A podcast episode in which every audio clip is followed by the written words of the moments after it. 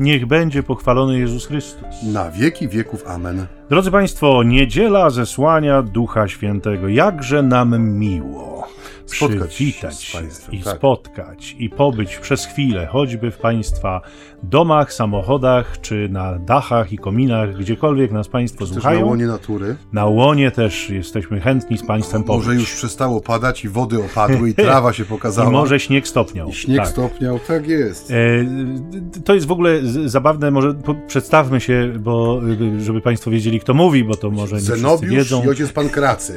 Tak, z Niepokalanowa. Ojciec Michał Nowak-Franciszkanin I ojciec Maciej Baron Werbista. w naszej cyklicznej, co niedzielnej audycji między nami homiletami, czyli ćwierć tony z ambony. Natomiast zabawne, jak zacząłem wcześniej mówić, jest to, że y, jak Państwo wiecie, nagrywamy te audycje dla Państwa z jakimś tam wyprzedzeniem i czasem nam się wymknie jakaś uwaga na temat pogody, która powiedzmy, jak ufamy, będzie taka czy inna i pamiętam, że w którejś z poprzednich audycji też mówiliśmy, że już pewnie w tym maju to już będzie tak pięknie i za, I cudownie. ojciec zapeszył.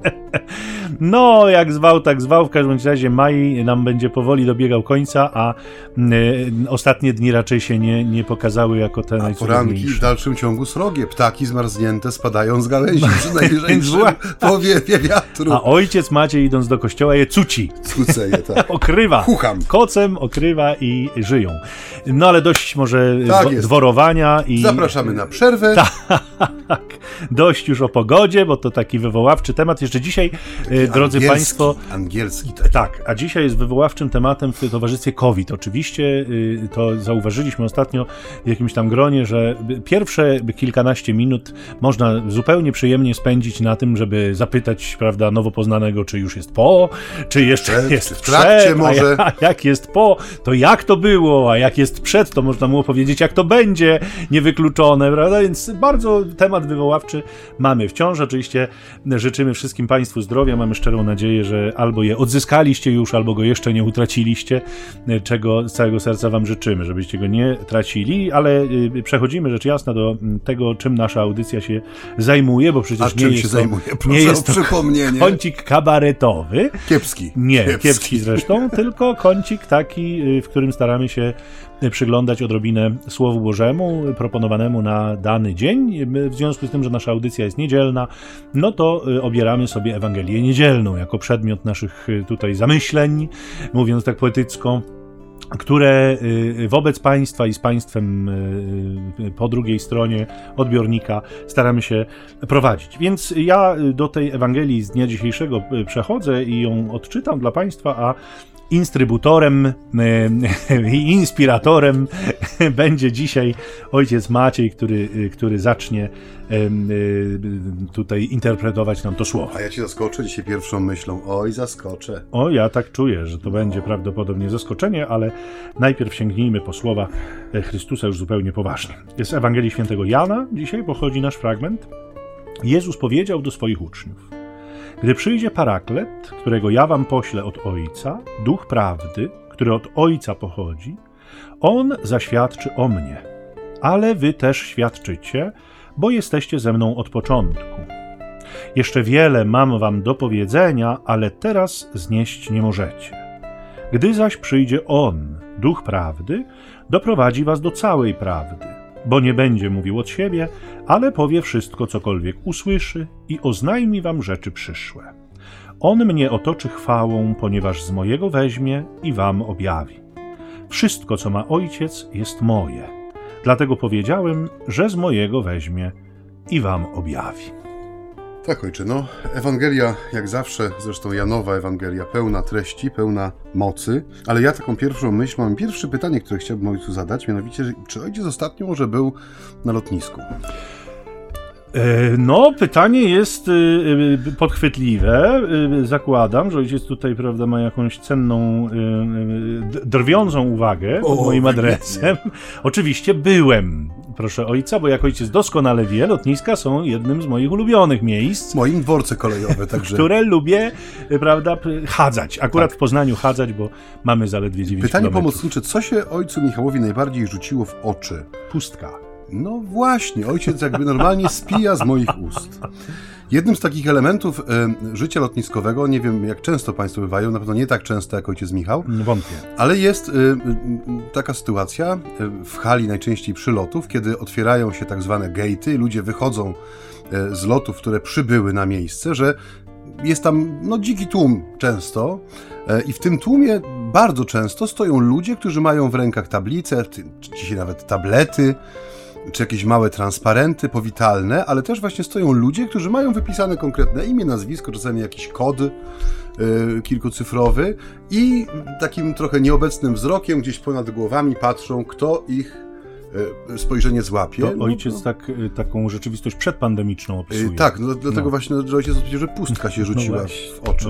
No i po jakimś czasie na, najczęściej dochodzi do spotkania tego, który oczekuje, z tym, który przybył. E, no i najczęściej też e, z tego, co się orientuję, ponieważ mam znajomego, który e, kiedyś jeździł taksówką w okolicach lotniska, że no, proszą najczęściej jakieś cechy szczególne osoby, na którą mają zapolować. Nie tak. wiem, wzrost, jakaś charakterystyczna część garderoby, Dokładnie. ewentualnie, nie wiem, jakieś okulary, które się tak. rzucają w oczy, nie? Żeby po prostu mieć jakiś zestaw informacji na temat tego, który ma nadejść, żeby go odróżnić od tej masy ludzkiej, która się wylewa z tych, z tych gate'ów, które się otwierają. I kiedy czytałem sobie mm, Ewangelię pod kątem dzisiejszej naszej uroczystości, y, właśnie ta myśl jakoś na mnie y, tak no, mocno podziałała. W tym sensie, że kiedy człowiek pragnie jakiegoś spotkania, czy to będzie właśnie chociażby takie spotkanie lotniskowe, czy to będzie spotkanie z kimś, kogo jeszcze nie zna, no zawsze będzie szukał, będzie chciał sprawdzić w jakimś źródle, czy u źródła, no kim jest ten, z kim mam się spotkać, nie? Jeżeli na przykład idę na rozmowę, ja pamiętam, że kiedy pierwszy raz mieliśmy sobie wybrać, nie wiem, czy ojciec Michał pamięta te odległe czasy, mieliśmy wybierać promotora naszych e, prac, dysertacji naukowych w naszym roczniku e, studiów, to było szukanie na internecie, na stronach kulowskich, kimże jest konkretna dana osoba, że mieć jakiś, poza zdjęciem tym oficjalnym, uczelnianym, jakąś garść informacji. No, wyboru wielkiego nie było. Nie było wielkiego wyboru, ale też była taka gorliwość wśród kolegów, żeby właśnie się dowiedzieć, czy jest srogi, czy wymagający, czy, e, czy jest pobłażliwy i raczej zgadza się na wszystko, co człowiek wymyśli. I tego na stronach kulowskich nie znaleźliśmy. Nie.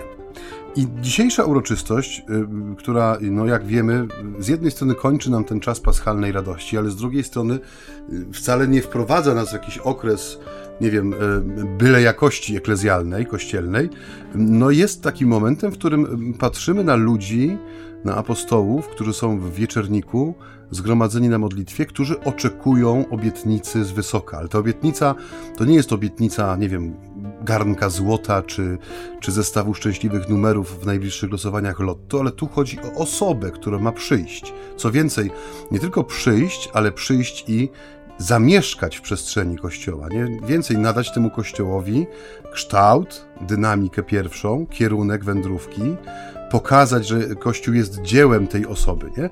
I to mnie, cieka to, mnie ciekawi w tym sensie, że y, o ile nawet y, no, skromny Marek Ewangelista no, jest wyjątkowo skromny, ale Jan jest trochę bardziej obfity, o ile te Ewangelie, które najczęściej nam towarzyszyły w ostatnim czasie, no nie, nie są jakimś takim dossier Ducha Świętego, to widać, że ta dynamika spotkania jest zachowana, że e, Jezus przekazuje swoim najbliższym taki zestaw informacji, E, na temat tego, który ma przyjść, żeby to nie było spotkanie absolutnie niewiedzących o nieznanym, ale żeby to było takie spotkanie tych, którzy rzeczywiście oczekują, nie? Bo, bo to trochę zmienia też naturę tego spotkania, które się dokonuje. I ta dzisiejsza uroczystość dla mnie jest takim momentem, w którym ja sobie stawiam pytanie, nie? czy my dzisiaj, czy ja dzisiaj, e, czy we mnie jest e, to czekanie, nie? Oczywiście w sposób no, inaczej przeżywany niż w wieczorniku przed dwoma tysiącami lat, bo przecież my żyjemy w rzeczywistości napędzanej mocą Ducha Świętego, ale też ciągle Kościół modli się o Jego przyjście. Nie? Każda Eucharystia jest,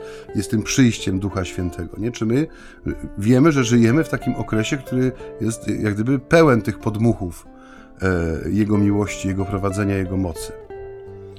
No bardzo ładnie y, ojciec to powiedział.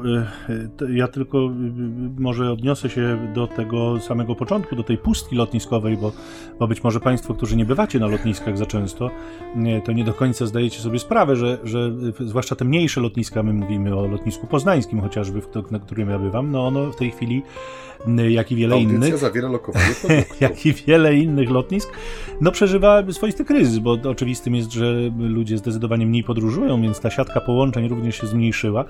Więc rzeczywiście wielokrotnie było tak, że wchodząc na lotnisko w Poznaniu, y, obserwowałem puste tablice odlotów i totalną pustkę poza obsługą lotniskową, mm, jeśli chodzi o pasażerów. E, więc stąd też ta moja obserwacja i stąd też ta pustka, do której Maciej się odniósł, a właściwie y, pokazał taki przeciwny zupełnie zupełnie stan, który zwykle na lotniskach przed apokalipsą bywał.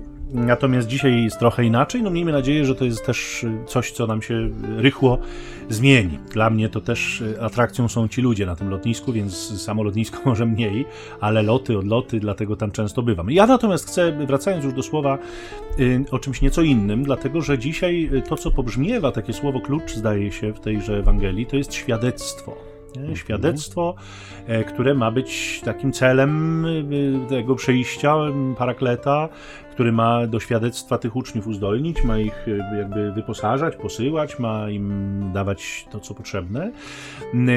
I to świadectwo, e, zauważcie Państwo, że to nie jest też rzeczywistość zupełnie nowa dla uczniów, dla apostołów, ponieważ oni przez sam fakt bycia z Jezusem już dawali świadectwo o nim i o sobie, zaangażowanych w jego działalność, w jego moc. Sam moment wyboru, nie? kiedy pamiętamy, że Jezus ich wywołuje na górze spośród tłumu i oni wywołani po imieniu mają jakby odejść od tłumu i mają podejść do niego, czy stanąć po jego stronie. To jest taki bardzo wyrazisty moment e, ich świadectwa, nie? tego na co oni stawiają w swoim życiu. I to świadectwo, które niejednokrotnie było y, już trudne za bycia, czy za czasów bycia Jezusa na ziemi, y, za czasów y, ich tej szkoły, powiedzielibyśmy, wiary, ich uczniostwa, w tej jego wędrownej szkole. Ono było trudne, bo nauczanie Jezusa budziło kontrowersje niejednokrotnie i, i te kontrowersje również znajdowały swoje reperkusje w jakichś tam komentarzach ludzi wobec apostołów, czy niejednokrotnie mm, być może na przykład uczeni w piśmie, jakby chcąc dotrzeć do Jezusa, posługiwali się jego uczniami, zarzucali pewne rzeczy samym uczniom, ale nie zmienia to faktu, że y, jakby Jezus był z nimi. On był z nimi, co sprawiało, że ostatecznie on brał na siebie te wszystkie jakby trudności, problemy, on się z nimi mierzył, oni byli uczestnikami tegoż, z całą pewnością byli jakoś w to zaangażowani, ale ostatecznie nie oni musieli obmyślać linię obrony, nie, nie oni musieli się zastanawiać, w jaki sposób poprowadzą ten dialog, nie oni byli tymi, którzy jakby planowali to e, świadectwo, nie? Był mistrz, był nauczyciel, był pan, który e, się e, tym zajmował, nie? Natomiast Natomiast Jezus wie dobrze, że ten czas dobiega końca i oni sami będą się mierzyć z tą wrogością, która będzie ich otaczać w tym świecie. I to będzie wrogość tych, którzy nie wierzą w Niego. A łatwo jest świadczyć wtedy, kiedy jest nas wielu, kiedy jakby ma się wsparcie, natomiast kiedy jestem sam, jest świadczyć znacznie trudniej. Nie? Doskonale to wiemy, drodzy Państwo, kiedy jesteśmy we wspólnocie, kiedy jesteśmy w kościele, na mszy świętej na przykład, nie? to jakby e, temat świadectwa wydaje nam się całkiem prosty, dlatego że są wokół nas ludzie, którzy mają podobne wartości. No, trudno powiedzieć, że myślą tak samo, bo już może byłoby to zbyt dużą przesadą, ale, ale powiedzmy, coś nas łączy jednak istotnego i ważnego, i wobec siebie nawzajem to świadectwo nie wydaje się być takie trudne. Natomiast po wyjściu z kościoła, kiedy się rozchodzimy, kiedy już nie jesteśmy w grupie i kiedy nagle zaczynamy obcować ze światem, który jest no powiedzmy sobie, sceptyczny wobec wiary, wtedy to świadectwo oczywiście już jest znacznie trudniejsze. I Jezus wie, że apostołowie pójdą samemu albo po dwóch w ten świat i będą wobec niego to świadectwo mm, mm, głosić, nie? Będą mieli te, to zadanie. I pokazuje im u samego początku, co będzie taką pomocą, pomijając Ducha Świętego, o którym za chwilę pewnie będziemy mówili. Natomiast pokazuje im jedną rzecz, na którą chcę zwrócić Waszą uwagę, bo ona bardzo moją uwagę przykuła. Mianowicie to świadectwo ma takie narzędzie, które będzie niesłychanie mm, pomocne, a mianowicie wspomnienia On mówi, będziecie świadczyli, bo byliście ze mną od początku. Nie? Oni mają swoją historię z Jezusem. Oni mogli sobie przypominać o tym, co on do nich mówił, oni mogli sobie przypominać te wszystkie dzieła, które on uczynił, i te wspomnienia, zwłaszcza po jego śmierci, po jego odejściu do nieba, będą dla nich niesłychanie żywe. Nie? To ich doświadczenie życia z Jezusem będzie tym, co, z czego oni będą mogli rzeczywiście czerpać, i to im będzie dawało moc, ponieważ jeżeli człowiek coś przeżył, to nikt mu nie wmówi, że tego nie przeżył. Nie? To jest oczywiste. To jest moje i nikt mi tego nie zabierze, chyba że jakieś silne uderzenie w głowę, po którym traci się kilka jeszcze innych cennych i potrzebnych, często podstawowych danych. Nie? A w takich normalnych okolicznościach to doświadczenie się pamięta. I tak sobie pomyślałem w tym kontekście, jak niesłychanie ważne jest to, żebyśmy my mieli jakąś historię z Jezusem. Nie? Żebyśmy my mieli jakieś doświadczenia w naszym życiu, do których możemy się odwoływać wtedy, kiedy stajemy przed zadaniem dawania świadectwa o nim. No tak mówiłeś o tych normalnych okolicznościach, że kiedy no, to świadectwo jest w nas e, żywe, znaczy kiedy wspomnienie jest w nas żywe, to nikt nie będzie się wypierał tego, że coś doświadczył, czegoś przeżył. I e, no, oprócz tego, że mnie się momentalnie włączył ten obraz księcia apostołów, który na dziedzińcu arcykapłana zapytany o w sumie dosyć świeże swoje wspomnienia związane z Jezusem, doznał dość szybkiego i gwałtownego ataku postępującej amnezji. Tak. No dzisiaj coraz częściej mówi się o tym, nie, że świadectwo y, jest coraz bardziej przełożone jak gdyby ze wspólnoty na jednostkę. Jest takie wstrząsające zdjęcie, które obiegło świat nie tylko katolickich internetów, y, z, z dawnej Birmy, obecnej Mianmy, gdzie y, no, dochodzi do, do poważnych niepokojów społecznych, jak to się dyplomatycznie określa. Giną ludzie, no wojsko jest w to zaangażowane też jest takie zdjęcie no rozpaczliwe jak gdyby w pewnym sensie, klęczącej zakonnicy z różańcem w ręce, z rozłożonymi rękami, która stara się no, w pojedynkę zastopować całą ścianę uzbrojonych po zęby, zachełmionych i, i idących w jej stronę ludzi, którzy raczej nie mają pokojowych zamiarów i yy, ja w pierwszej chwili nie czytałem historii, która była pod zdjęciem, bo gdzieś mi to mignęło, ale potem była tak często powtarzana ta klatka, E, że dopiero poczytałem, co tak naprawdę się dzieje i że tam właśnie Kościół stara się być takim orędownikiem pojednania, pokoju i to zdjęcie no, wstrząsnęło w tym sensie, że właśnie mówię, no to, to jest też Kościół, nie? Ta jedna siostra, e, która daje świadectwo w tym momencie w naprawdę no, niesprzyjających okolicznościach. Nie? Yy, każdy rozsądny człowiek, widząc kobietę drobną, starszą, powiedziałby: Niech się pani czy niech się siostra schowa, bo tu za chwilę może być piekło. Nie?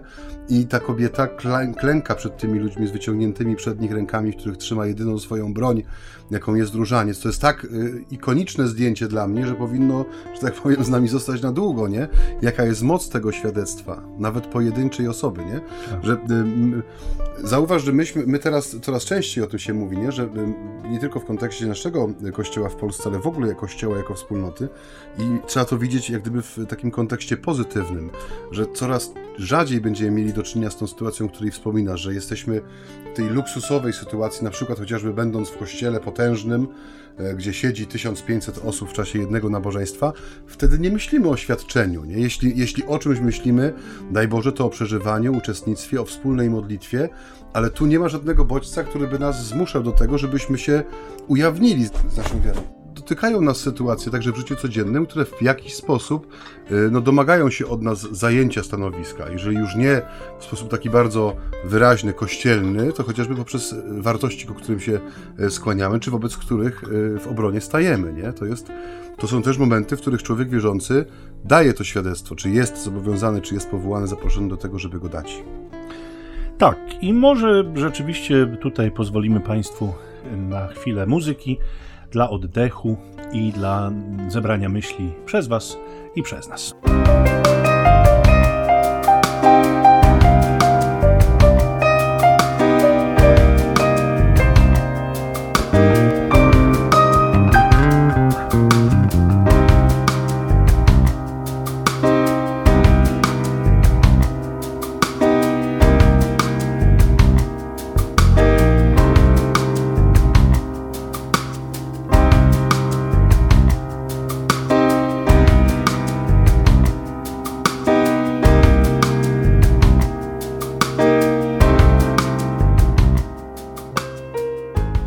Państwa po krótkiej przerwie muzycznej, majowej, melodyjnej, e, porywającej być może nawet do jakiegoś pląsu. Mhm. I wracamy do słowa na tę niedzielę. Też niedzielę, która jest taką niedzielą pląsów, pierwszych pląsów Kościoła. Tak. Która jest też takim świętem, tak jak mówię, z jednej strony kończącym czas radości wielkanocnej, ale z drugiej strony wprowadzającym nas jak gdyby w tą codzienność Kościoła, czyli w ten czas Ducha Świętego, czas tego, który nadaje Kościołowi e, ten rozpęd, dynamizm, no i wypełnia go treścią nieustająco. I e, mówiliśmy sobie e, przed chwilą o tym, że no, ta niedziela też w jakiś sposób stawia pytanie o nasze rozumienie czy nasze podejście do zagadnienia bardzo istotnego dzisiaj, które już nieraz gościło też na tutaj łamach naszych, mianowicie e, to zagadnienie świadectwa, bo to jest takie słowo, które może stać się trochę takim kościelnym wytrychem, nie? Trochę, e, kiedyś było tak, że e, hasło nowej ewangelizacji stawało się takim wytrychem, nie? Że jak się postawiło nowy, nowy baner czy nową tablicę ogłoszeniową przed kościołem, to już było podciągane pod to, że parafia angażuje się w dzieła nowej ewangelizacji, bo ma nowy neon czy tak. nową tablicę. Ale mm, to te, ten termin świadectwo, tak jak mówiliśmy przed przerwą, on takim znakiem naszych czasów jest to, że on y, przestaje być jak gdyby postrzegany y, tak masowo, wspólnotowo, można powiedzieć, a coraz bardziej staje się domeną poszczególnych osób, nie? poszczególnych y, momentów, w których stajemy wobec różnych wyzwań. I to jest coś, co też y, nie tylko z racji COVID-a i epidemii, y, ale też chyba coś w tym jest, nie? bo wiele osób podkreśla, że relacje w kościele stan staną się i stają się coraz bardziej zindywidualizowane. Nie w tym negatywnym sensie, tylko chodzi o to, że będzie coraz mniej sytuacji, kiedy my będziemy mieli ten tłum kościelny, tak. tą, tą masę. Łowić na wędkę, a nie sieciami. Tak, że z sieci przejdziemy na jakieś inne narzędzia, jak wędki czy, czy tak. jakieś podbieraki. I no to jest taka, też nie chcę powiedzieć, że wdzięczny temat do rozmów, ale w jakiś sposób na pewno jest. I chciałbym tutaj, żeby ojciec, jak już upora się ze swoją dzisiaj bardzo dynamiczną kawą, e, żeby ojciec... Słyszą pociąg... Państwo to brzmienie. Tak, to porcelana. Jakież to jest cudowne brzmienie. Śmielowa, hmm. jak nic. E, co ojciec Czego ojciec oczekuje ode mnie? No chciałbym, Bo ja ojciec... się zająłem kawą, przepraszam, ojca w ogóle nie słuchałem. chciałbym, żebyśmy porozmawiali właśnie o tym, y, o tej odpowiedzialności za osobiste świadczenie, nie? Tak. że, to, że to, to wyjście z tego komfortu stada, e, nie w sensie zagubionej owcy, tylko tak jak mm -hmm. mówię, tego, że coraz mniej będziemy mieli tych sytuacji, kiedy w, w, w tak, kupie tak, si tak, siła, tylko że ta jednostka będzie musiała na swoich Jasne. barkach nagle mm -hmm. przekonać się, że to waży tak. Nie, że to waży. Dokładnie. I to jest, y, y, mój drogi przyjacielu, myślę, coś, co bardzo ściśle wiąże się z parakletem, czyli z tym, który ma przyjść, dlatego że on ma przyjść po to, aby tłumaczyć. Nie? To jest y, szalenie ważne, bo nam dzisiaj ta Ewangelia pokazuje taką stopniowość objawienia. Nie? To znaczy, Pan Jezus powiedział, wszystko, na co apostołowie byli gotowi. To znaczy, on doskonale wiedział, ile im może powiedzieć, jak wytrawny nauczyciel. To każdy nauczyciel, który uczył, doskonale wie, że jeżeli poda zbyt wiele informacji na jednej jednostce lekcyjnej, no to po prostu nie, nie ma szans, żeby uczniowie to w jakikolwiek sposób przyswoili. To po prostu jest stracony materiał wtedy. Więc trzeba to jakby dopasować też do możliwości odbiorczych słuchacza i Jezus to robił znakomicie i robił to doskonale. I te dzisiejsze słowa, że jakby mm, Duch Święty doprowadzi was do całej prawdy, wcale nie przeczą innym słowom Jezusa, kiedy powiedział, że powiedziałem wam wszystko, co objawił mi Ojciec, bo rzeczywiście powiedziałem wam wszystko, co byliście w stanie na tym etapie waszej obecności przy mnie usłyszeć i zrozumieć. Natomiast Duch Święty przyjdzie i po pierwsze nie będzie komplikował rzeczy, nie, które już usłyszeliście, to znaczy nie będzie zaciemniał, nie będzie gmatwał rzeczywistości. Po drugie, nie będzie objawienia nowego. To nie będzie coś zupełnie nowego, co on ze sobą przyniesie. On będzie tłumaczył, jakby rozpakowywał to objawienie, które ja wam zostawiam i którego już jesteście świadkami, ale którego jeszcze w pełni nie odczytujecie, jeszcze w pełni nie y, zrozumieliście, jeszcze w pełni nie byliście w stanie przyjąć. Nie macie określoną pojemność, mówi nam y, dzisiaj Jezus. Nie? I to jakby dotyczy wszystkich i y, to, o czym powiedziałeś, ta ten indywidualizm większy, choć słowo ma negatywne konotacje rzeczywiście, ale, ale mówimy o nim dzisiaj w takiej perspektywie pe, pe, pewnej indywidualnej odpowiedzialności za swoją wiarę, która już będzie się mniej opierała rzeczywiście na, na, na masie Nie? Bo chyba, chyba to byłoby lepsze określenie niż na wspólnocie, bo rzeczywiście na wspólnocie, w której wszyscy są odpowiedzialni, wszyscy, e, że tak powiem, poważnie podchodzą do tematu, to byłoby nawet cudnie, gdybyśmy jednak się opierali. Natomiast my częstokroć mamy taką wiarę opartą na masie, niczego nikomu nie ujmując, ale doskonale też wiemy, że w naszych kościołach wielokrotnie zasiadają ludzie, którzy no, przychodzą tam z e, takich przyczyn i motywów niejednokrotnie około religijnych, nie? Powiedzielibyśmy, a nawet jeżeli religijnych, to nie zawsze wynikających z wiary. Pobożność, tradycje, zwyczaje, no jakaś, jakaś społeczna, że tak powiem, konieczność, czy, czy, czy pewna, nie wiem, perspektywa przynależności i tak dalej. To też zresztą mówiliśmy o tym wielokrotnie, nie ma pewnie sensu tego wszystkiego powtarzać. Natomiast oparcie e, na wspólnocie byłoby czymś cudownym, natomiast we wspólnocie są ludzie, którzy mają to poczucie odpowiedzialności za swoją własną wiarę, a przy okazji oczywiście za wiarę też innych, za wiarę tych, którzy ich otaczają. Natomiast ta odpowiedzialność za swoją własną wiarę, ona się wiąże z tym, że mamy wchodzić w to poznanie, które jakby oferuje nam duch. Mamy z nim współpracować, mamy być tym żywo zainteresowani. I zobaczcie Państwo, że właściwie y, my, czyhają na nas jakby dwa niebezpieczeństwa, które są związane z takimi dwiema skrajnościami w tej dziedzinie. E, po pierwsze, pierwsza taka skrajność, która jest niebezpieczna, to jest brak tego procesu poznawania, e, czyli powiedzielibyśmy obojętność na temat. Nie? I być może rzeczywiście jest to perspektywa związana z, z, z, masą właśnie. Na zasadzie takiej, że no jesteśmy, ale co tam się dzieje i co, co tam kto mówi i jak to wygląda, a niewiele nas interesuje, a po wyjściu z kościoła to już w ogóle niespecjalnie cokolwiek związanego z wiarą nas interesuje w przeciągu tygodnia. Nie, więc jest pewna obojętność, która, y, y, jak się wydaje, jest chyba najbardziej ateistyczną z postaw. Tak naprawdę mnie to nie interesuje. Druga skrajność, o której też już wielokrotnie mówiliśmy, to jest tucz duchowy. Nie? To znaczy 8 konferencji dziennie wysłuchanych w słuchawkach na uszach, yy, przygotowaniu zupy, przy wyprowadzaniu psa na spacer, przy jeździe samochodem.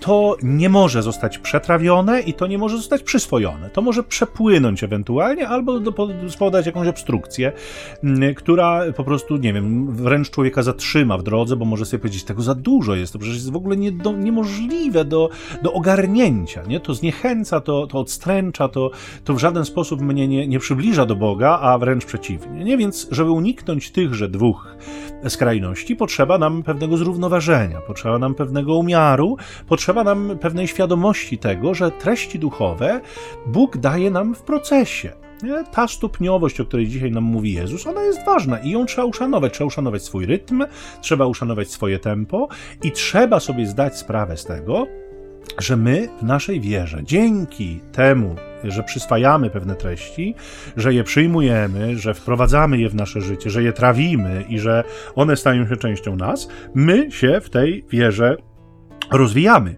I to jest konieczne, i ten proces jest y, absolutnie potrzebny, pożądany i właściwy. Zobaczcie, że y, święty Paweł w y, pierwszym liście do Koryntian, w trzecim rozdziale, mówi do Koryntian o duchowym mleku że dawał im niesfałszowane, duchowe mleko, które było Koryntianom niezbędne, było im potrzebne, bo mówił, nie byliście w stanie przyjąć żadnego innego pokarmu. I y, y, skądinąd z dużą dozą wyrozumiałości mówi, zresztą nadal nie jesteście zdolni. To znaczy dawałem wam to, co na waszym poziomie mogło zostać przez was przyjęte, przyswojone, było dopasowane do waszych możliwości. Natomiast autor listu do Hebrajczyków w piątym rozdziale z tego samego już czyni zarzut. Nie? Mówi: Wy którzy powinniście już być dojrzali w wierze, ciągle chcecie się żywić mlekiem. Ciągle chcecie jakby tego, co lekkie, łatwe i przyjemne, nie? Ciągle jakby chcecie tylko mhm. połykać, a tu trzeba już sobie ten posiłek przygotować, trzeba o niego zadbać, trzeba go pogryźć, trzeba go połknąć i trzeba go przetrawić. A to już kosztuje dużo więcej i to już z waszej strony wymaga solidnego zaangażowania, na które, mhm. jak mówi autor listu do hebrajczyków, nie jesteście gotowi, mimo że powinniście. Więc kończąc ten jeden przydługi wywód. Ależ, Ależ nie, nie, to w ogóle krótko było.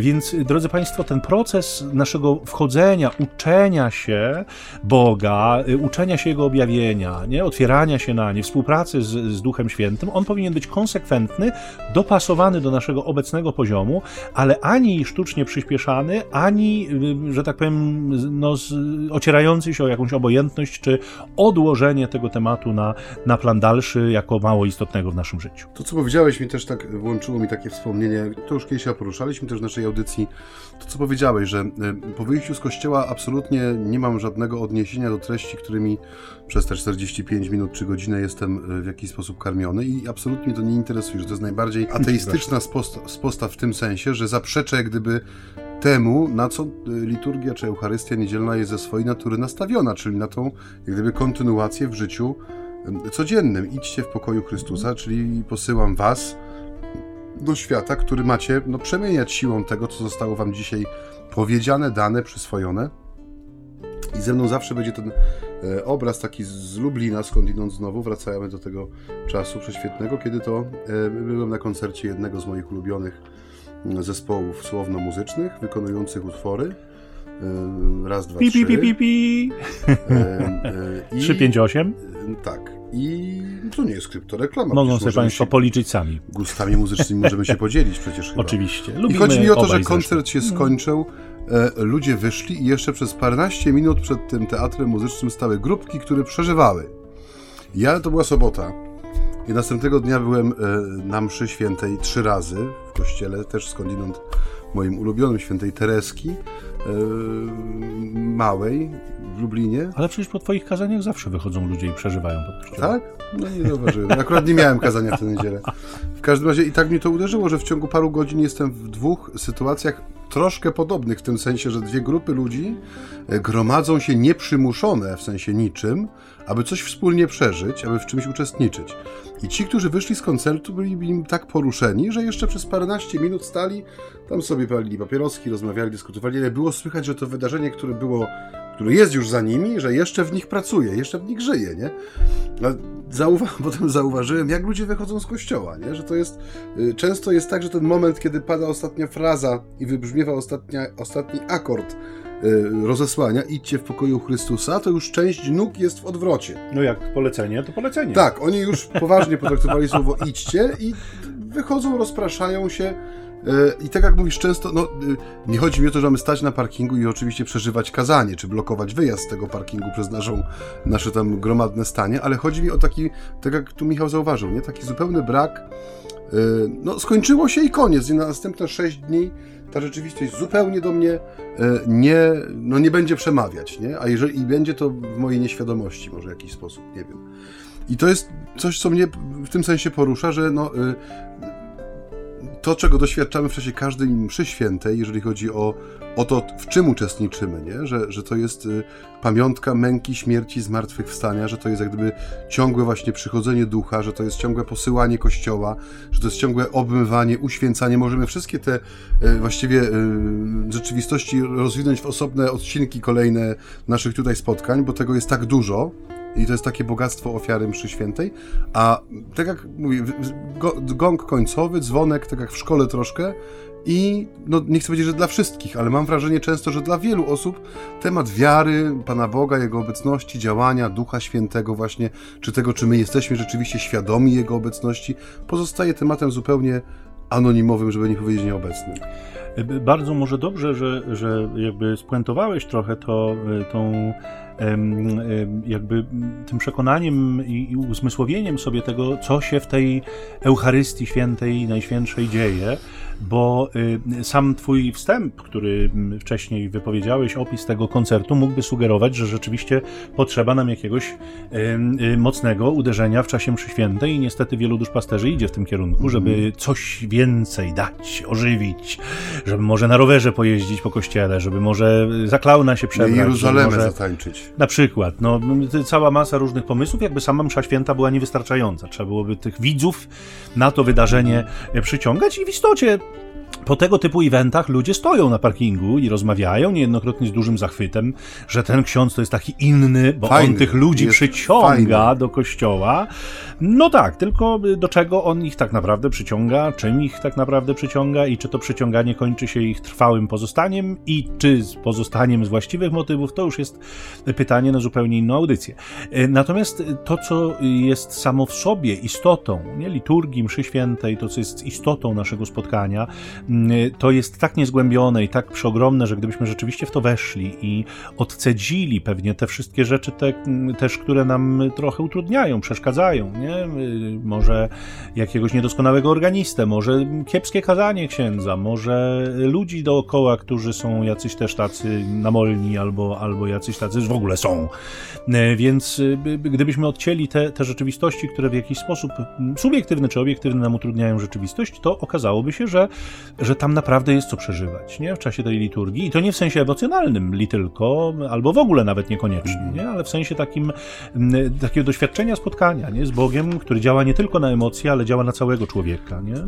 I myślę sobie, że to, co Ważne też, to też jakby wybrzmiało w tym, co mówiłeś, że jest tego tak bardzo dużo, tak bardzo dużo, że to od czasu do czasu może rzeczywiście stać się takim powodem do, e, no to wspominałem już wcześniej, do pewnego zniechęcenia, nie? Że Boże, jeżeli tak tego dużo, to może nie ma sensu w ogóle zaczynać, bo jeżeli ja nie zgłębię Boga za mojego życia, a nie zgłębię, ba, nawet nie zgłębię Go po mojej śmierci, dlatego że żebym mógł zgłębić Boga całkowicie i ostatecznie, musiałbym się stać czwartą osobą boską, a na to raczej szans nie ma. W tym roku nie, nie. W tym roku nie i w przyszłym i prawdopodobnie w następnym stuleciu i tysiącleciu też nie, e, wobec czego może w ogóle nie warto się tym zajmować, nie? Bo, no bo gdzie ja tam dojdę? Dojdę tylko do jakiegoś etapu, a ile, jakby dużo więcej będzie przeze mnie niepoznane niż poznane.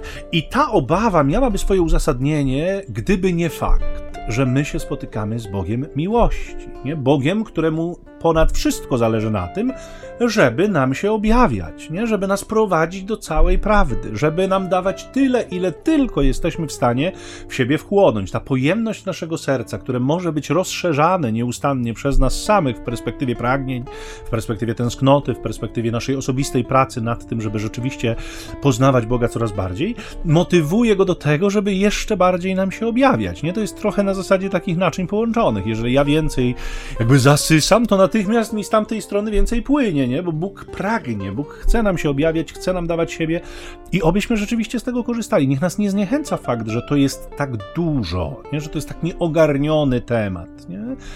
Ogarnijmy choć odrobinę, a będziemy naprawdę szczęśliwi.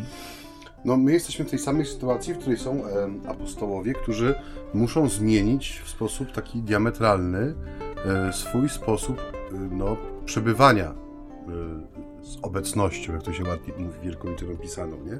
Że doświadczenie wcielenia, na ile do nich dotarło, było bardzo konkretne, nie? Zauważ, że y, te Ewangelie Zmartwychwstania, one też są bardzo, przypominają, że to wcielenie nie jest fikcją, nie jest mrzonką, że to, że Jezus przychodzi mimo drzwi zamkniętych, ale jednocześnie bierze do ręki y, rybę, czy każe im zarzucić sieć po prawej stronie łodzi, nie? I ma rany. Y, ma rany, które świadczą o tym, że ukrzyżowanie nie było fikcją, że to wszystko, że pokazuje nam cały czas, że my też krążymy wokół tej tajemnicy tajemnic, czyli tego, że Bóg staje się e, swoim stworzeniem, nie? że staje się człowiekiem, staje się jednym z nas, nie w sposób umowny, nie w sposób symboliczny.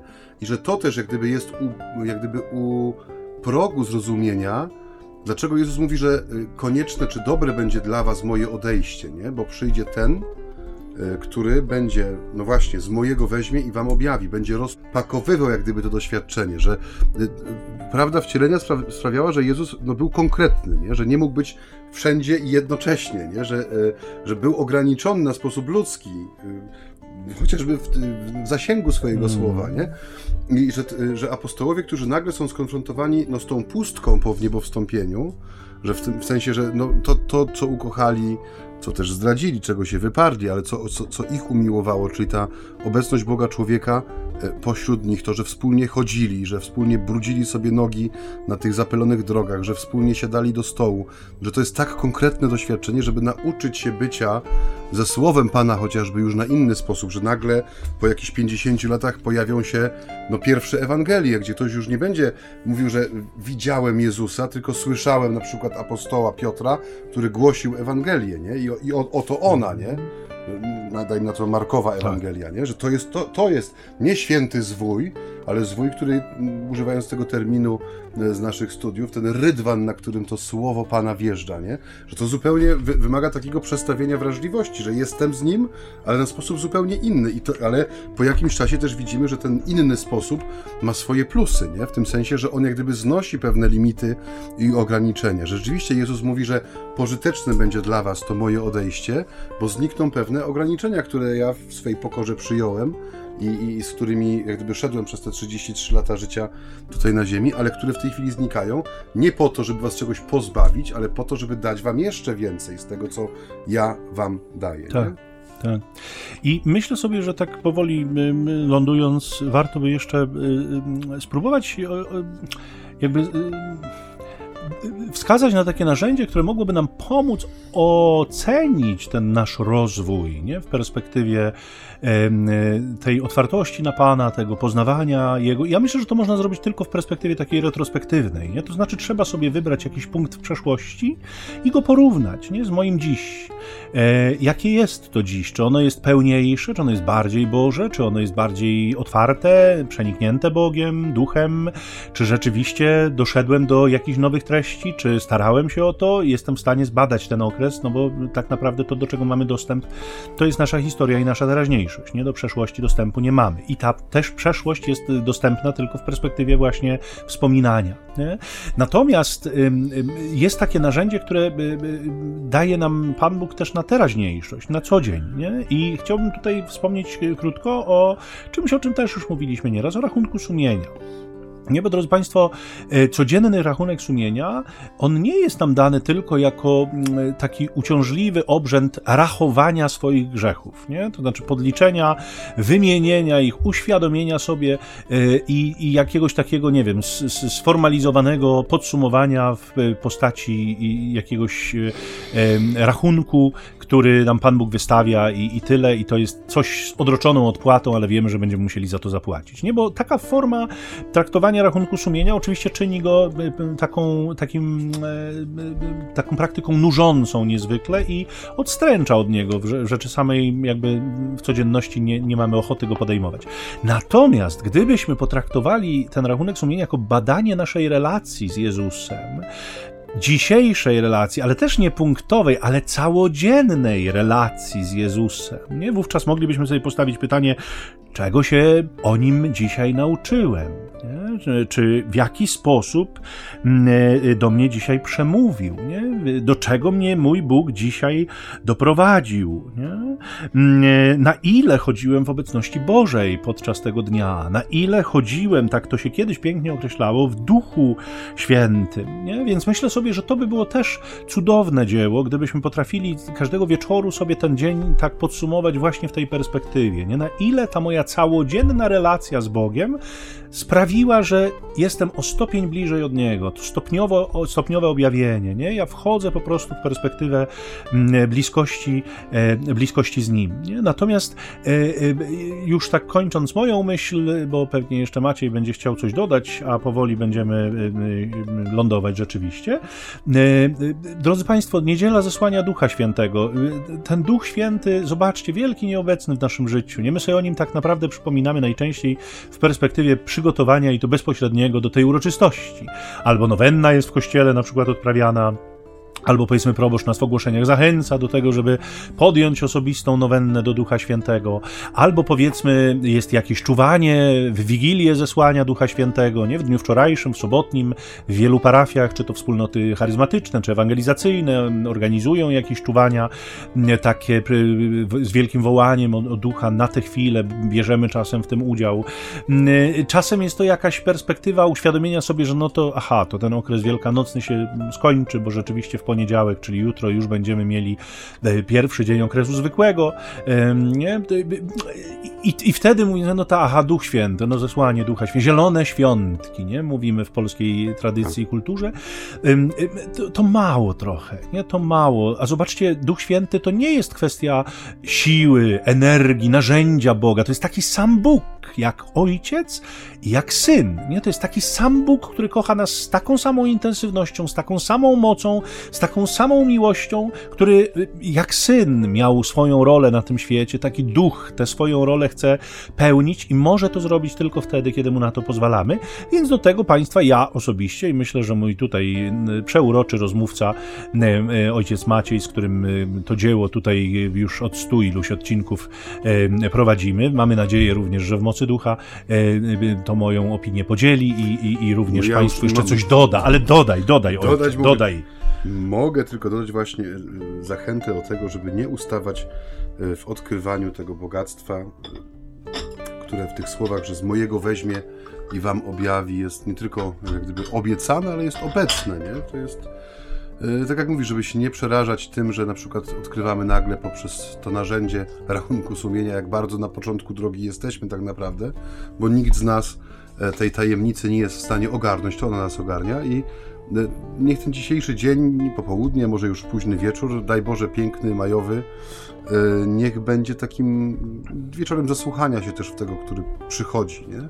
I przychodzi i, i, posyła nas i umacnia nas i staje w naszej obronie i pomaga nam właśnie rozpakować wszystkie te, e, te bogactwa, te prezenty, dary, które na drodze naszego życia Pan Bóg w swojej opatrzności, miłości nam pozostawia. I tego Wam e, w imieniu swoim i Ojca Michała życzę, bo już naprawdę trzeba kończyć, bo taśma się kończy za chwilę. Taśma ośmiościeżkowa. Tak, wypadnie Teraz z prowadnicy tak. i Niestety. uderzy z hukiem podłogę. Drodzy Państwo, zapraszamy Was oczywiście do kontaktu. Dziękujemy wszystkim, którym się chce coś napisać. Te SMS-y przychodzą zwykle w niedzielę, właśnie po audycji. Tutaj dominują y, nasi słuchacze z okolic, którzy z pewnością słuchają nas przez radioodbiorniki. Bardzo Wam dziękujemy. Nie będziemy, tak jak mówię, wymieniać wszystkich. Już kiedyś to tłumaczyłem, że te odcinki, y, po których przychodzą y, te SMS-y, one są sprzed kilku tygodni, więc mogłyby być rzeczywiście tutaj te wymienianie E, słuchaczy i, i tematów częstokroć, które poruszają, mało aktualne. Natomiast bardzo z serca Wam dziękujemy. To jest dla nas niesłychanie miłe, jeżeli ktoś nam e, jakiś taki feedback wysyła, jakby dając dowód, że, że słucha, że jest. E, czasem, no, muszę powiedzieć wprost, że prawie zawsze są to takie miłe słowa, no, zdecydowanie miłe.